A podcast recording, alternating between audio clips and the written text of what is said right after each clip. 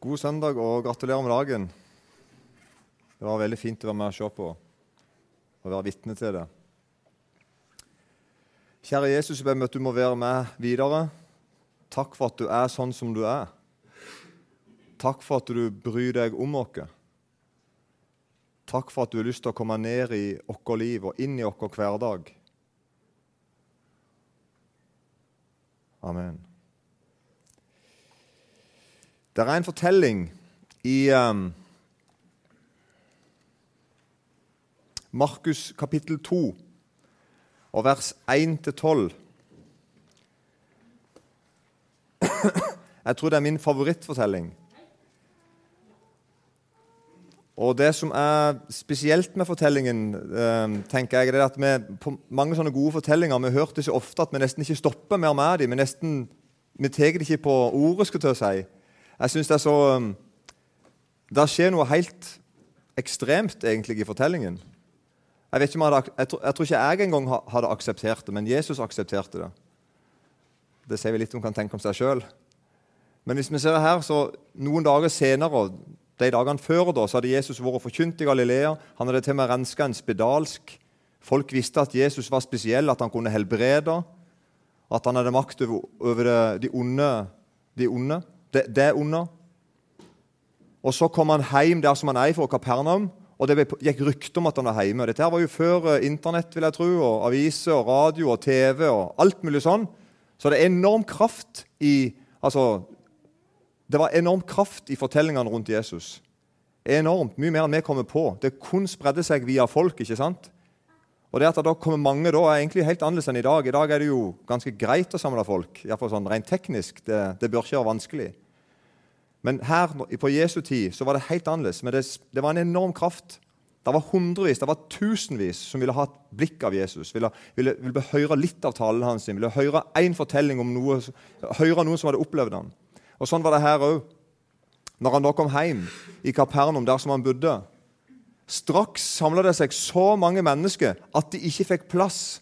Ikke engang med døra. Så dere får dere det? Folk lø inn i, i, i, huset, og det er ikke plass til flere. Og det er ikke plass i døra. Så der står noen folk i døra. Og han talte ordet til dem. En kaotisk uh, gudstjeneste der, altså. De kom da til ham med en som var lam, som ble båret av fire mann. Så dere for dere det? Jeg ser for meg det sånn, der, eh, sånn som vi hadde i militæret, sånn feltsenger med sånn Jeg vet ikke om det var det, da, men fire mann tenker én i hvert hjørne. tror jeg, Og så lå han på sånne båre. Jeg ser for meg det er det. To sånne stenger. ikke sant? Fire mann kommer gående. Antakeligvis en kraftig plugg, dette her, siden de var fire mann òg. Burde holde med to, kunne nesten tro. Men her kom de fire mann med én lam mann. Og så skjer det da som vi har hørt sikkert, at Pga. denne folkemengden så kunne de ikke få båret han fram til Jesus. De, det var ikke bare det at de ikke kom inn der Jesus var, men de kom ikke inn i døra engang. Det var jo fullt.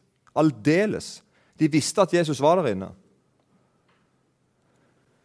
Og det er da de gjør noe som jeg tenker at jeg vet ikke om vi hadde akseptert det. I talen til Jesus, mens Jesus stender og forkynner, så begynner det å drysse ifra taket. Det er ikke tull engang. Der er noen oppå taket og Antageligvis var det ikke sånn tak som her, med, som var sånn godt laga. Det kan godt være, men det var et tak. Og mens Jesus stender og taler, så, så, hører de at nå er det noen der oppe. Og det begynner å drysse, og ting blir tatt vekk. Og Det var noen kvister eller planker eller vet ikke hva de hadde der. Og, da, og de begynner å fire en fyr ned. Så dere får ikke det. Og det er godt gjort å fire en mann ned. Prøv sjøl. Hvis den ene firer litt fortere enn den andre, så, så går det gale. Da hadde mannen kommet dumpende ned. ikke sant? Så de klarte det. da. Tok litt tid, antageligvis. Der kom der en mann, firende ned, rett foran ansiktet på alle. Og ikke minst rett foran ansiktet på Jesus. Og hva gjør Jesus da? Når de har firt den mannen ned? Han begynner å snakke med den lamme. Mens alle må være tilskuere til det. Jesus tar seg av da, den ene, den lamme, og begynner å snakke med han og sier Barn, syndene dine er deg forlatt. Og så kommer det reaksjoner, og det skjønner jeg veldig godt. Vi har så lett for å snakke negativt om de kristne, skulle jeg si, og det har vi jo lært av Jesus at vi kan. skulle jeg si. Men, men vær litt grei med dem, da. De står her og ser på dette her marakkelset, som vi ville ha sagt sørpå. Folk, folk er ikke folkeskikk engang. Kommer her og tar hull i taket og fyrer ned en mann midt i talen til Jesus. Det er jo en, på en måte en, en, en utrolig dårlig oppførsel i seg sjøl. Men så hører de at hva Jesus gjør, og det topper det enda mer for dem. Jesus, de tenker i hjertet sitt hvordan kan han tale slik? Det er likevel Jesus de reagerer på, mer enn de fire kameratene den lamme mannen. Han spotter Gud. Hvem kan forlate synder uten én? Det er Gud. Og det der vers 7 der, det er sant. De skriftlærde reagerte på en måte sunt på det de hørte. Nå står det en mann av kjøtt og blod, Jesus Kristus. Han var et menneske. Han var et ordentlig menneske. Han hadde kropp. Han åt, han drakk. Han hadde ei mor. Han var født. Han smilte, han lo, han grein. Nå står det en mann, en fysisk menneske, og så, han, så påstår han at han kan tilgi synd. Og Da reagerte fariseerne veldig sunt, de skriftlærde, og tenkte vi vet om bare én som har makt til å tilgi synd. Det er Gud. Og Den reaksjonen der den er sann. Det er en god reaksjon. For det er sant, det de sier. Det er bare Gud som har makt til å tilgi synd. Så de skriftlærde skjønner mer enn noen annen. Hvis det han mannen der sier, er sant, så er han Gud menneskesønnen, Guds sønn.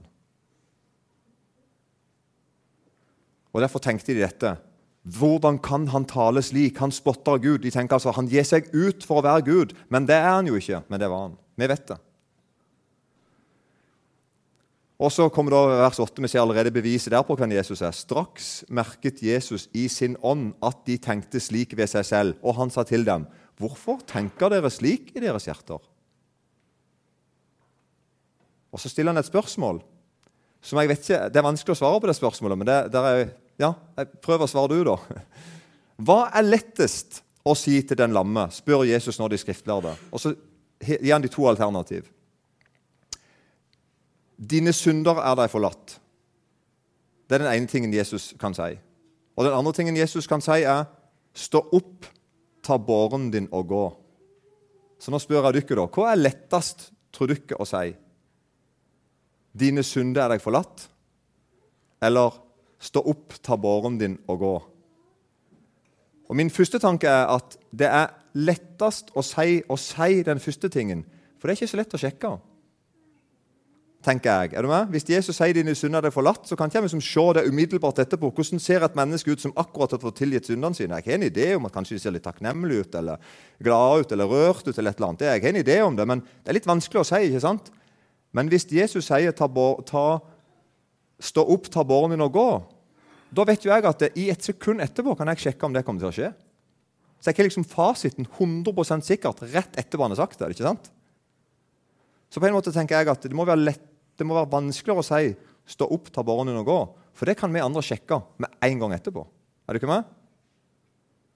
Men antageligvis, da, eller ikke bare antageligvis, helt sikkert, så var det vanskeligere for Jesus å si dine synder jeg forlatt. Hvorfor det? For det er ikke bare noe Jesus sier, det er noe Jesus gjør. Jesus sier ikke bare at dine synder er deg forlatt, men han forlater deg alle syndene dine. Stor forskjell på det. Jesus gikk i døden for deg for at dine synder skulle bli forlatt. Så hvis du spør Jesus hva er vanskeligst, vanskeligst for deg å si, det vil si underforstått å gjøre,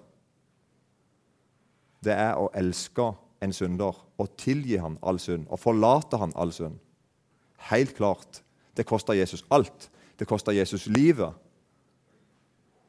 Og så kommer det det geniale her, i vers 10. Etter han har spurt deg da, mener du ikke er lettest å si til den lamme? Dine synder er forlatt? Eller å si 'stå opp, ta båren din og gå'? Det virker som at vi må velge en av de her. Men så kommer det til vers 11. Nei, unnskyld, vers 10.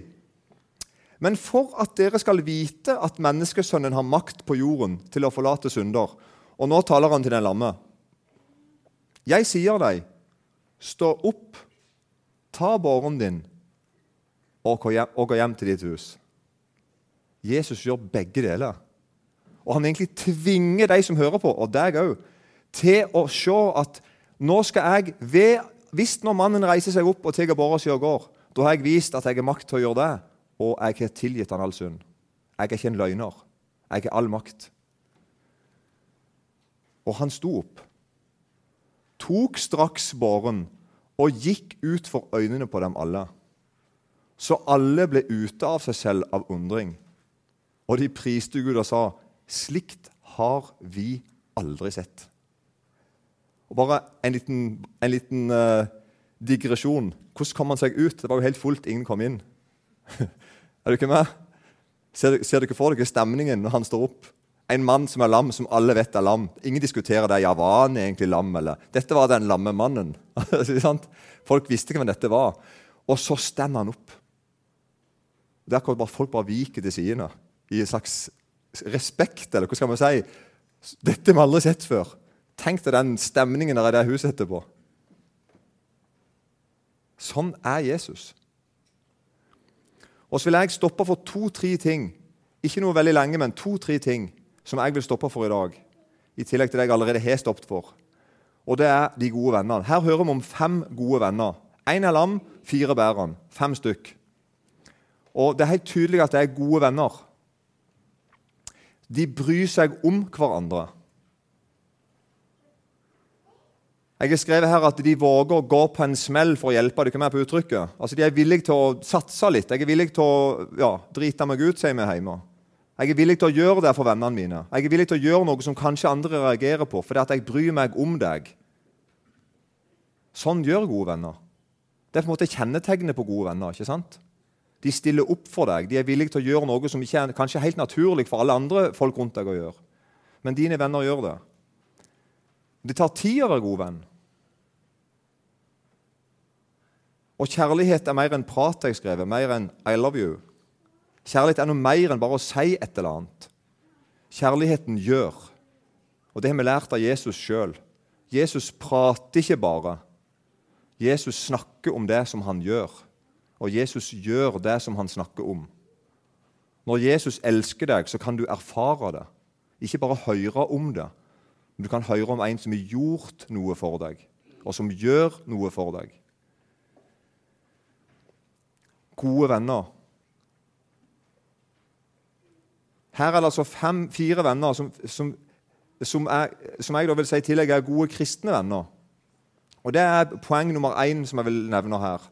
Det håper jeg vi kan huske at i dag. I vers 5 så står det da Jesus så deres tro, sa han til den lamme jeg håper ikke jeg er tungvint nå. men altså, når, når Jesus sto og, og, forkynte, og de firte ned en lam mann, så har jeg før bare lest at da så Jesus deres tru. Altså, jeg, tenkt, jeg har tenkt litt sånn at han, Jesus så at de hadde tru. Eller, det, eller kanskje Jesus så kvaliteten med trua deres, og at de hadde kanskje veldig tru. Er med på den? De hadde veldig tru på dette her. Sånn har jeg tenkt litt. At Jesus så truet til de. Forresten, ja, for det er de fire vennene som har truet til. Det er ikke den lamme. Ser du ikke det? Så Jesus, Det blir firt ned en lam mann, og så ser Jesus truet til hvem da? De fire.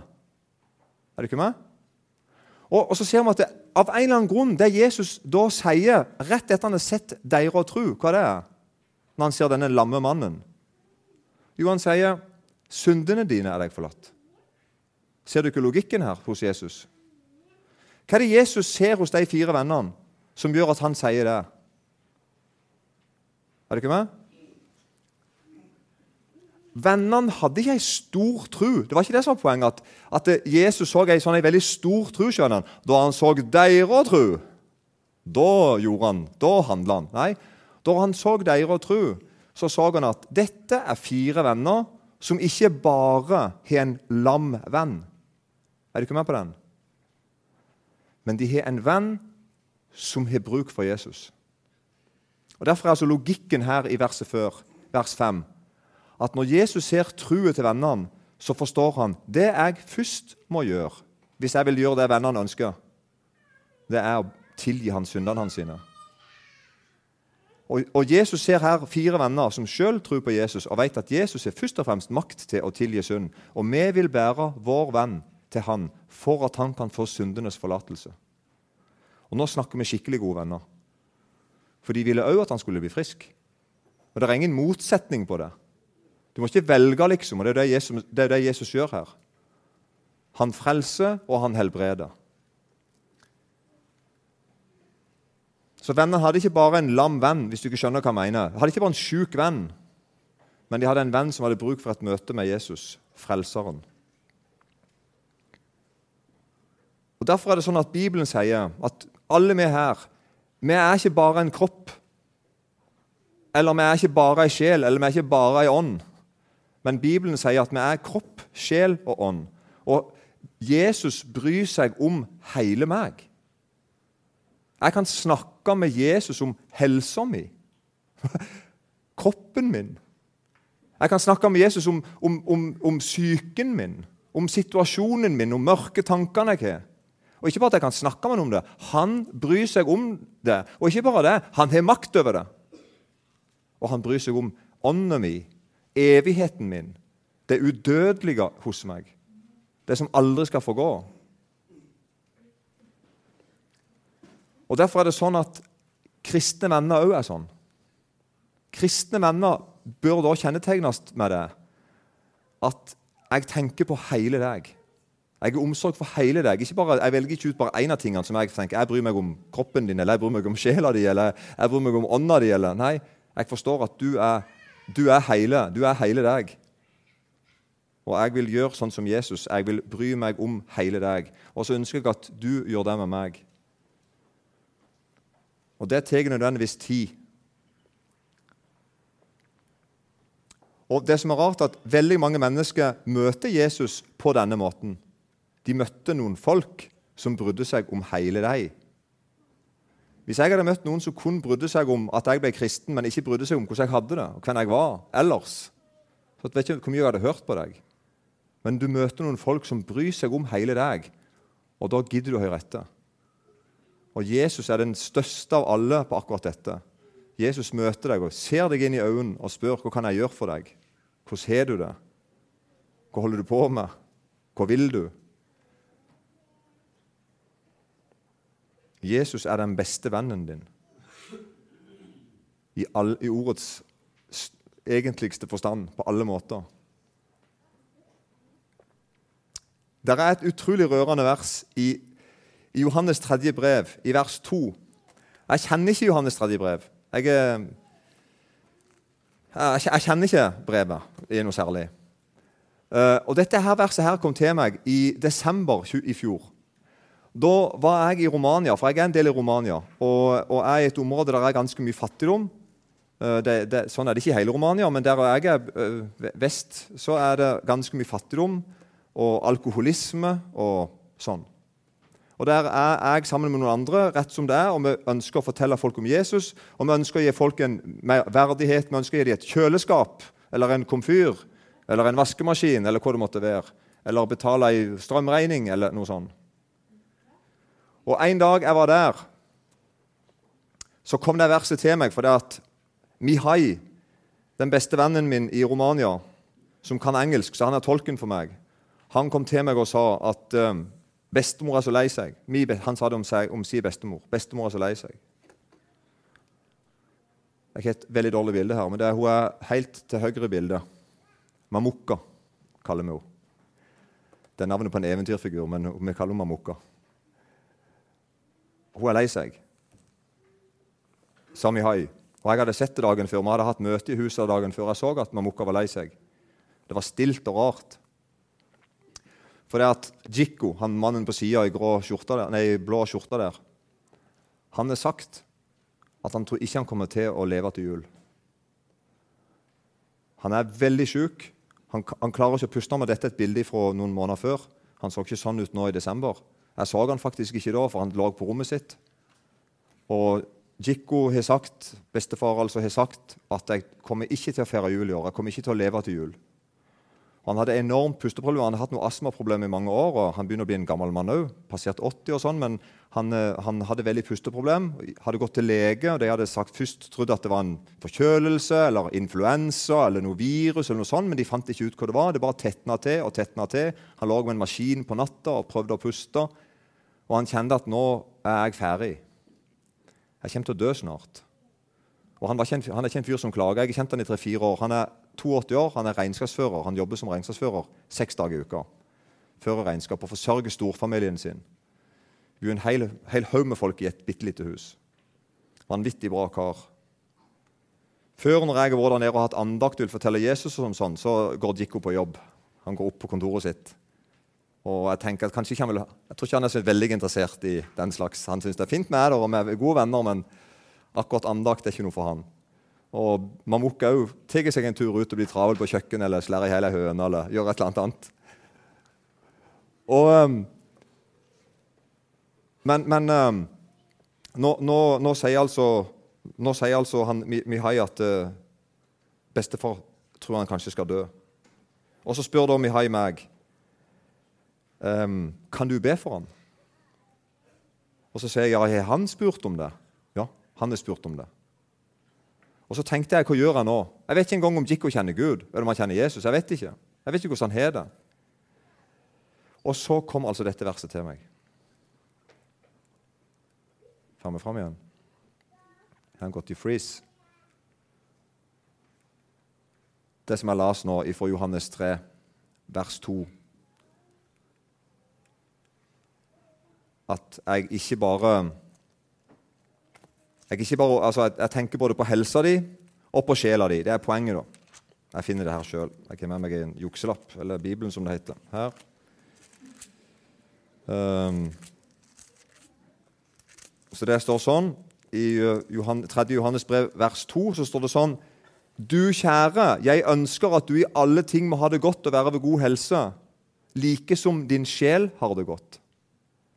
Det verset kom til meg når jeg da skulle gå de meterne fra kjøkkenet og så opp til Jikko og skulle be for han.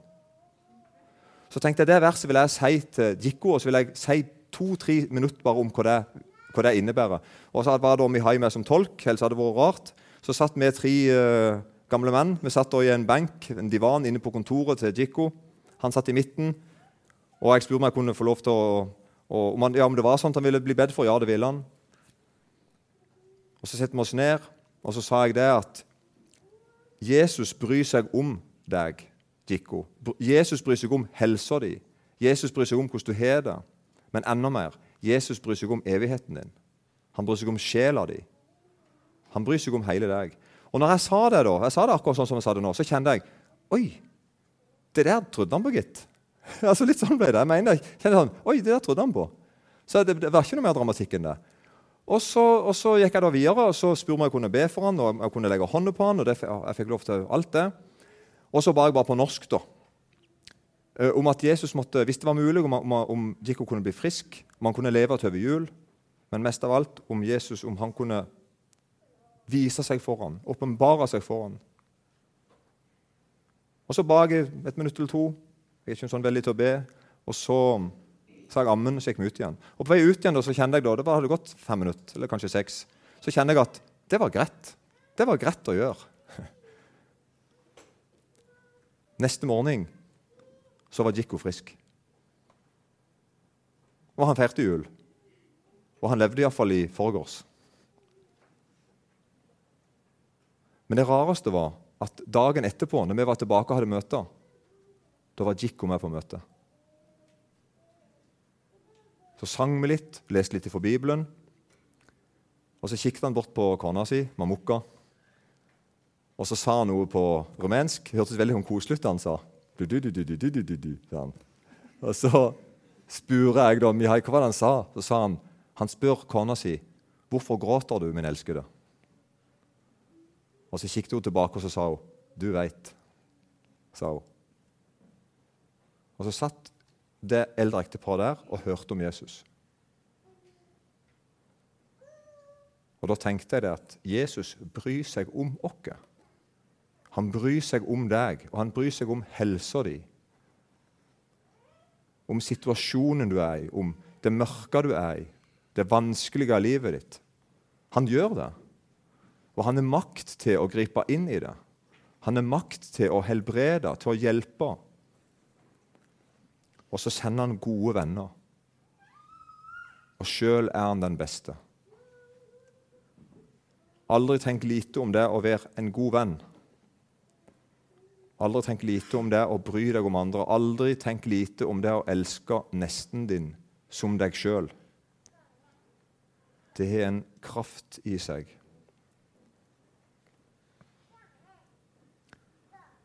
Kjære Jesus, takk at du har all makt i himmel og på jord. Takk at du bryr deg om oss.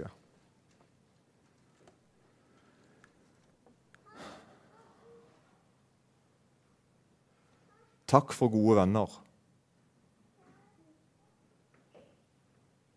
Og takk at du vil være min venn.